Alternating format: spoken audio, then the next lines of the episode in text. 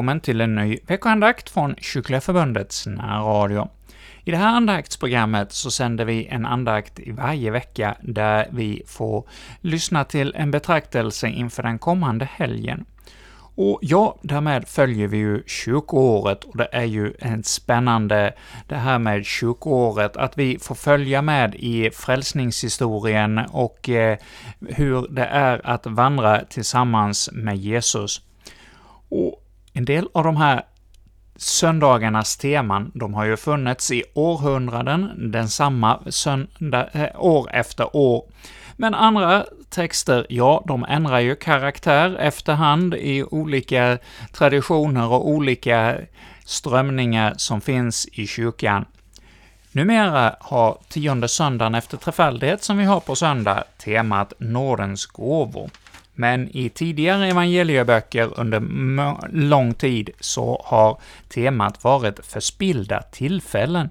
Ja, det är ju ett allvarsmättat eh, ord, eh, det här förspillda tillfällen. Det kan väl kanske nästan skrämma oss och vi funderar, vad är det för någonting i vår tid? Ja, då kanske det låter mer angenämt att få tala om nådens gåvor, men det här med förspillda tillfällen, är det så att Herren har kallat oss och vi inte svarar på den kallelsen, ja, då har vi ju förspilt ett tillfälle.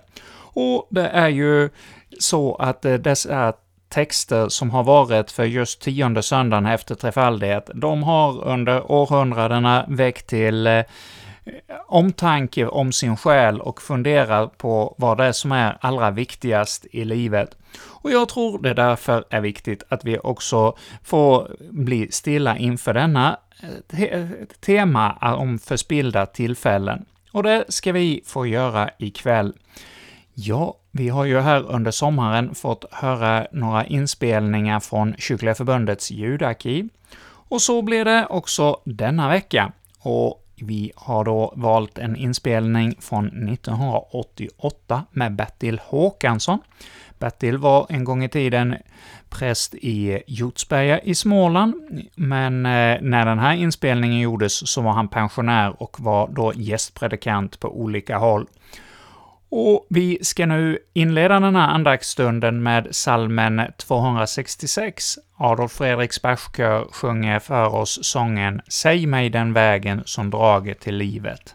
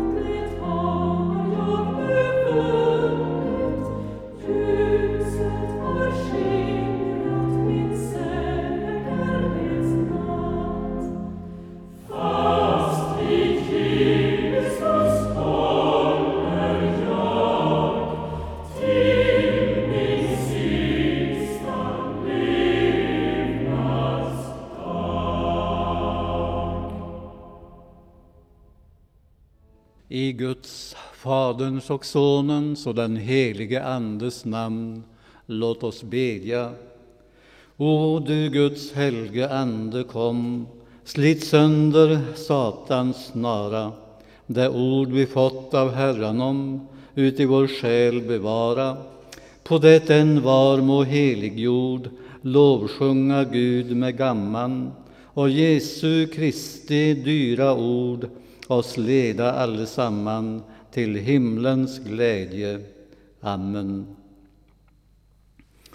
Idag på tionde söndagen efter trefaldighet så talas det om förspillda tillfällen.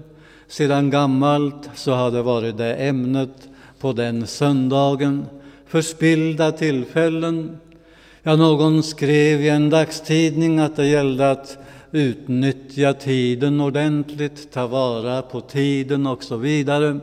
Men vad är det som Herren menar i sitt ord med förspillda tillfällen? Jo, det är just nådestillfällen, skulle vi kunna säga. Tillfällen då Gud söker oss, då han erbjuder oss sin nåd, då han erbjuder oss sina rika gåvor, syndernas förlåtelse, barnaskap och salighet. Guds nåd som söker oss från början till slutet av vår vandring, från tidig barndom till sena ålderdomen. Han ger oss tillfällen då han söker oss. Vi brukar kalla det för nådatiden eller vår sökningstid. Det går nu att förspilla dessa tillfällen, att så att säga kasta bort dem så att de inte blir till någon nytta eller välsignelse. I vårt evangelium så har Jesus kommit till sin hemstad Nasaret. Han framträder där i synagogan. Vi kan sluta oss till att Jesus på sätt och vis hade ett visst anseende i sin hemstad. Man bad honom där läsa ur texterna, ur lagen och profeterna. Och sedan så talade han, och det står att till början så uppskattade man hans förkunnelse. Folket förundrade sig över de nådens ord som utgick från hans mun.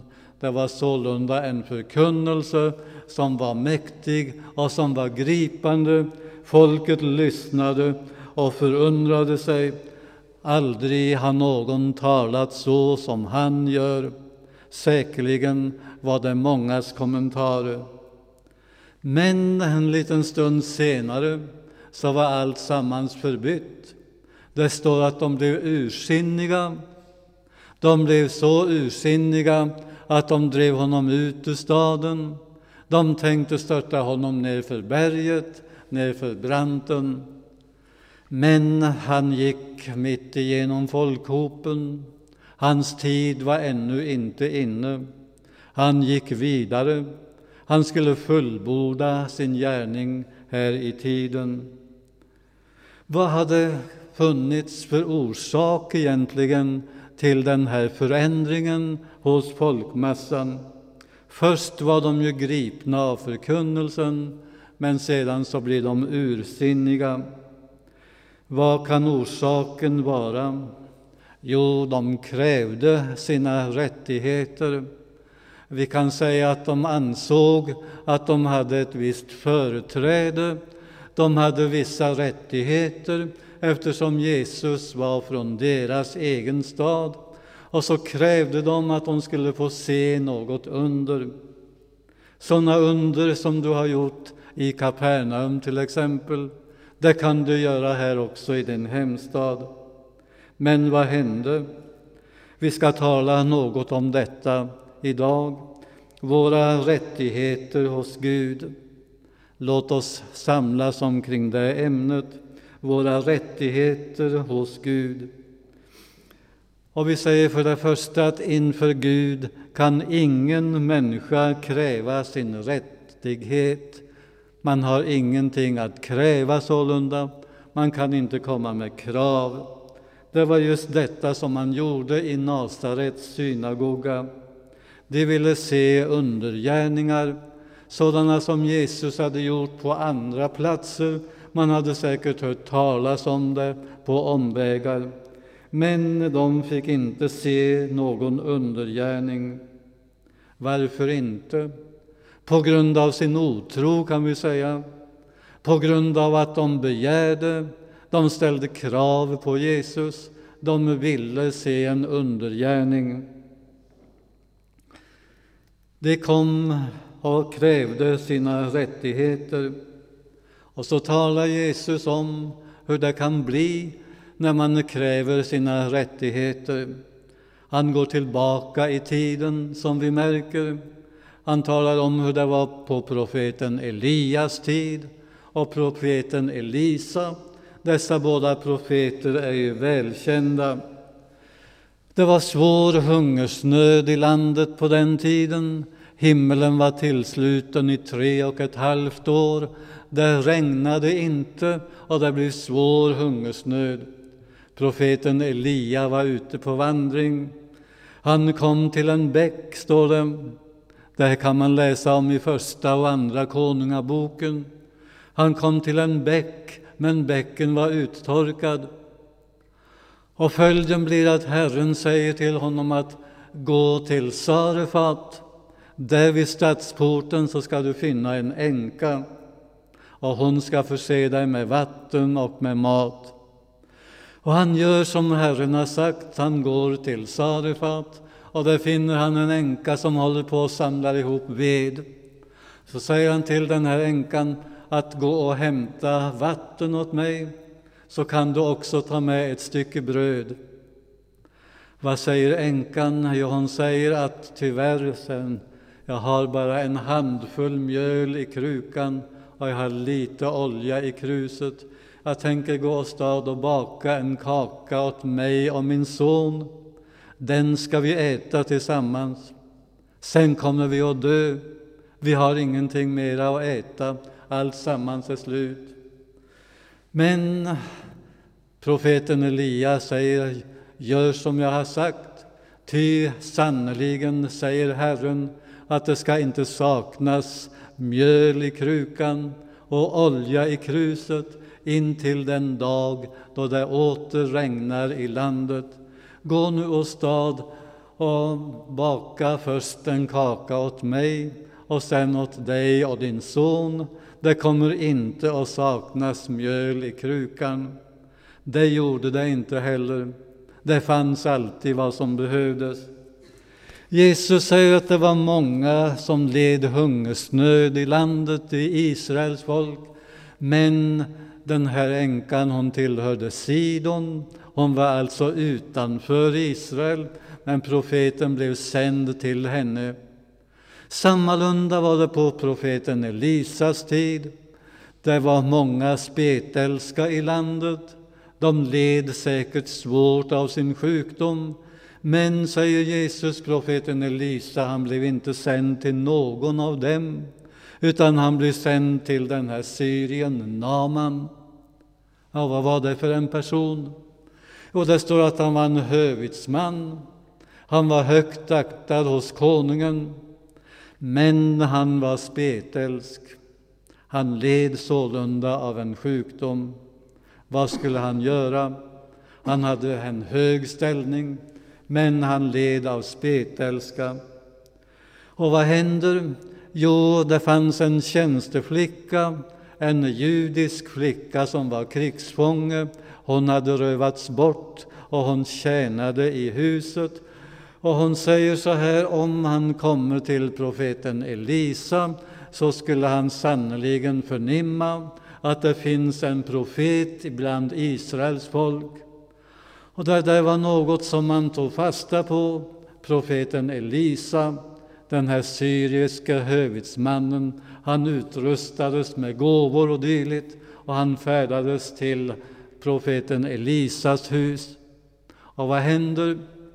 Jo, han får det beskedet att gå och bada dig sju gånger i Jordan, så blir du fri från din spetälska.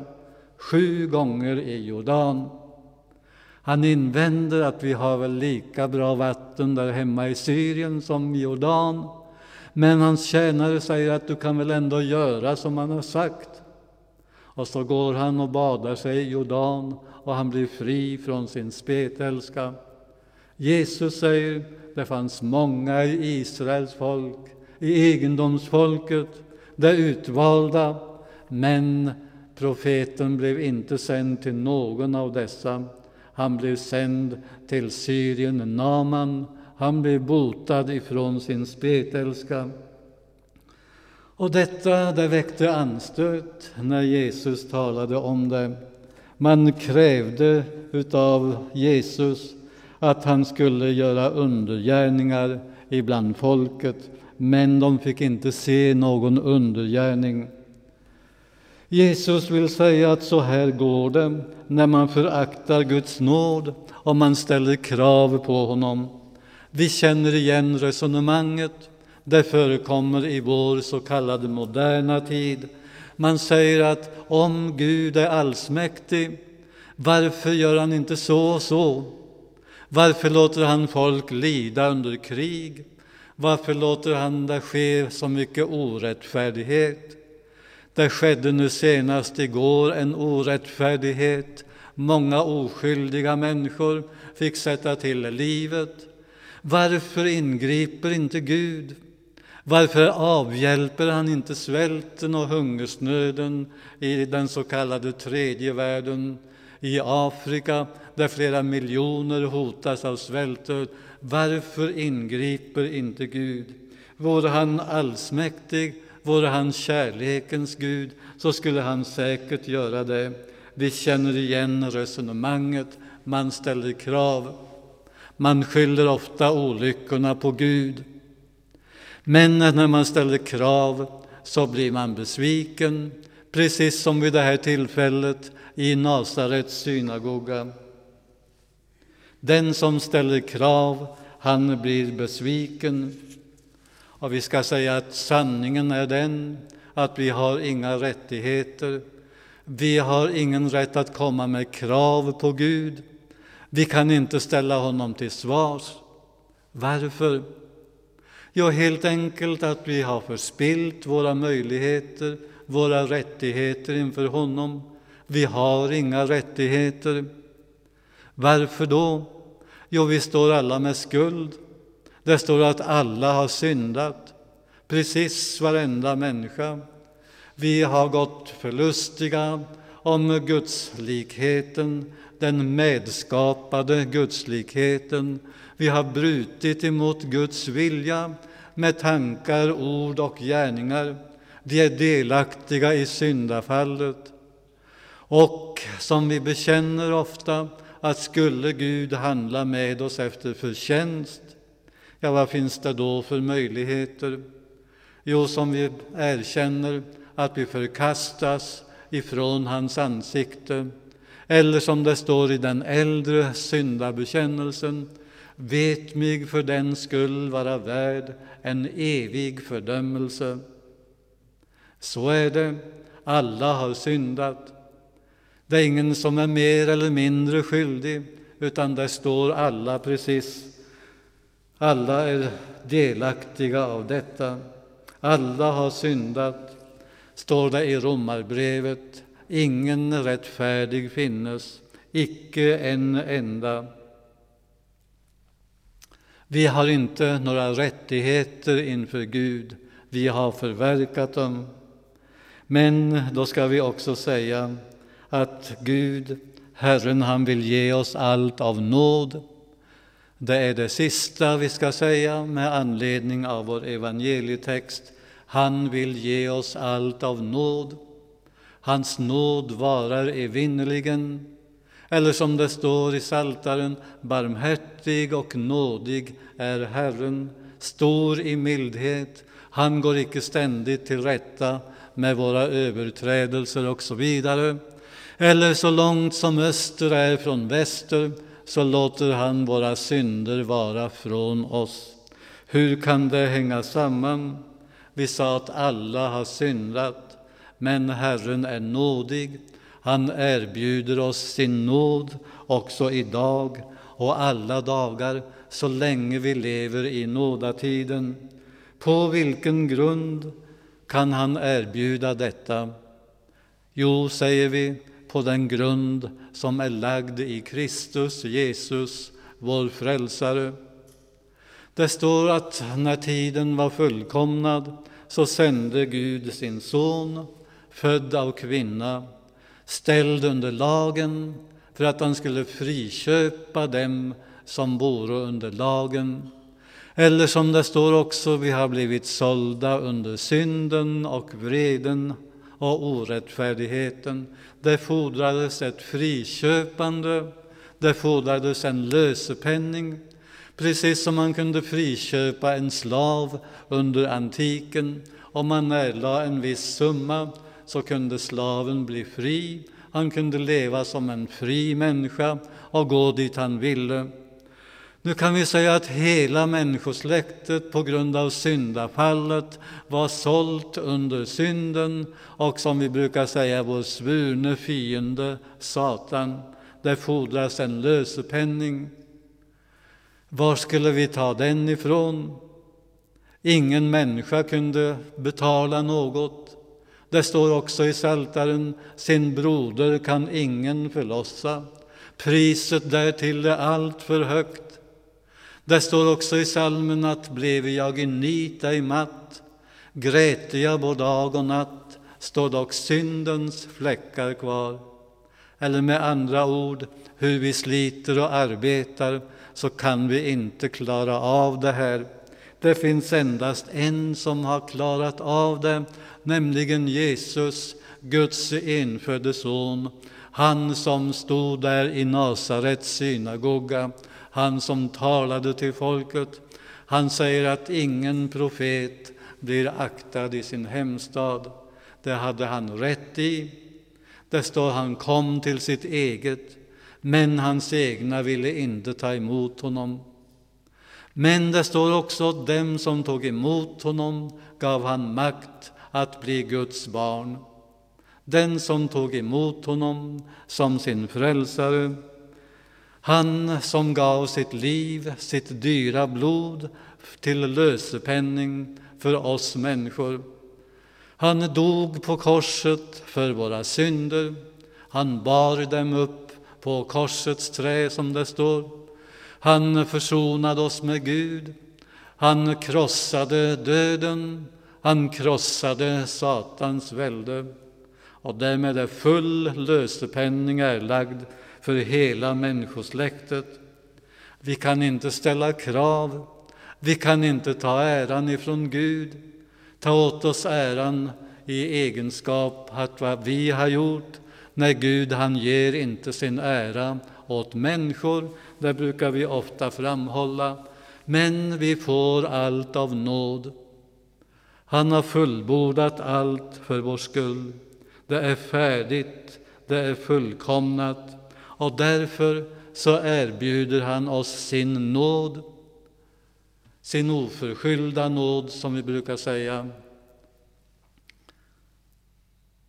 Han ger oss tillfällen då han särskilt erbjuder oss sin nåd, nådestillfällen. Vi kan säga att i Nasarets synagoga, där hade de ett sådant där tillfälle, men de förspillde det de blev förargade, de drev ut Jesus. Det gör man också i vår moderna tid ofta. Man försöker driva ut honom. Då man säger han har inte i vår tid att göra. Han eh, förvillar människorna och så vidare. Det finns många ursäkter. Man vill inte ha med honom att göra och så förkastar man den erbjudna nåden. Men just idag så får vi ett sådant tillfälle. Säkerligen har vi haft många under vårt liv, många nådestillfällen som Herren har erbjudit oss. Han vill vara vår frälsare. Han vill att vi ska tillhöra honom. Det är därför vi är friköpta, förlossade och förvärvade med Kristi dyra och heliga blod. En sångare sjunger när Herren kallar, o lyssna då, förhärda inte ditt hjärta. Man förhärdade sina hjärtan i Nasarets synagoga. Det är viktigt för var och en av oss, var befinner oss, förhärda inte ditt hjärta. Ta emot honom som din frälsare och konung. En sångare sjunger så lyd hans maning och hulda råd. Det blir en gång den sista. Bortkasta icke Guds dyra nåd. Det är för mycket att mista. Om du blir borta omkommer du, men allt kan hjälpas ännu. Ännu idag erbjuder Herren sin nåd. Må vi ta emot honom såsom vår frälsare och saliggörare och vandra med honom här i tiden och vara med honom i hans rike. Amen. Låt oss bedja. Lovad vare Gud och välsignad i evighet, som med sitt ord tröstar, lär, förmanar och varnar oss. Hans helige Ande stadfäste ordet i våra hjärtan, att vi inte må vara glömska hörare, utan dagligen tillväxa i tro, hopp, kärlek och tålamod intill änden och vara saliga genom Jesus Kristus, vår Herre. Amen.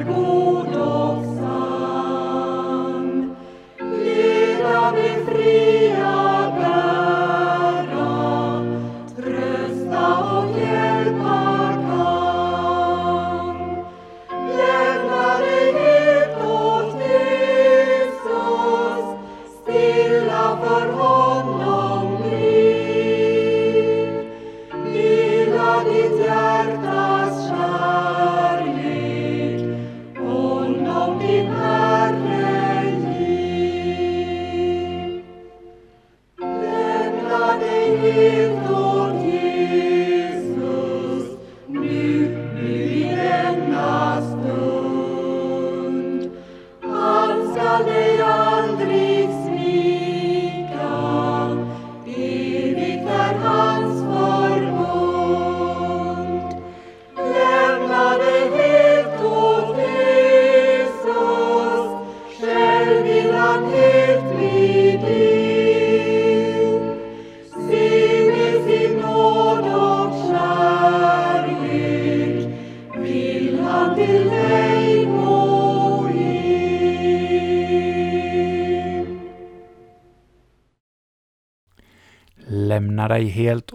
Jesus var det som avslutade vår andakt. Kören Logos sjöng för oss salmen 224.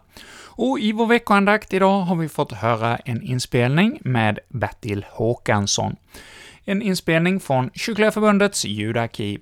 Och med detta säger vi från Kyrkliga Förbundet tack för denna gång. Och ja, det var den sista andakten från ljudarkivet för ett tag framöver. Nu till nästa vecka så har vi en nyinspelad andakt med Jan-Erik Appell, som kommer att tala till oss både i nästa och i nästnästa vecka. Och sen blir det under terminen som vanligt nyinspelade andakter för den kommande söndagen. Och med detta så säger jag, som heter Erik Olsson, tack till er alla som har hört Kyrkliga Förbundets veckoandakt denna vecka. Och ja, när du själv vill och inte har möjlighet att lyssna till oss via FM-bandet, gå då gärna in på hemsidan kyrkligaförbundet.se och lyssna till våra program där. Och med detta önskar jag er alla Guds rika välsignelse.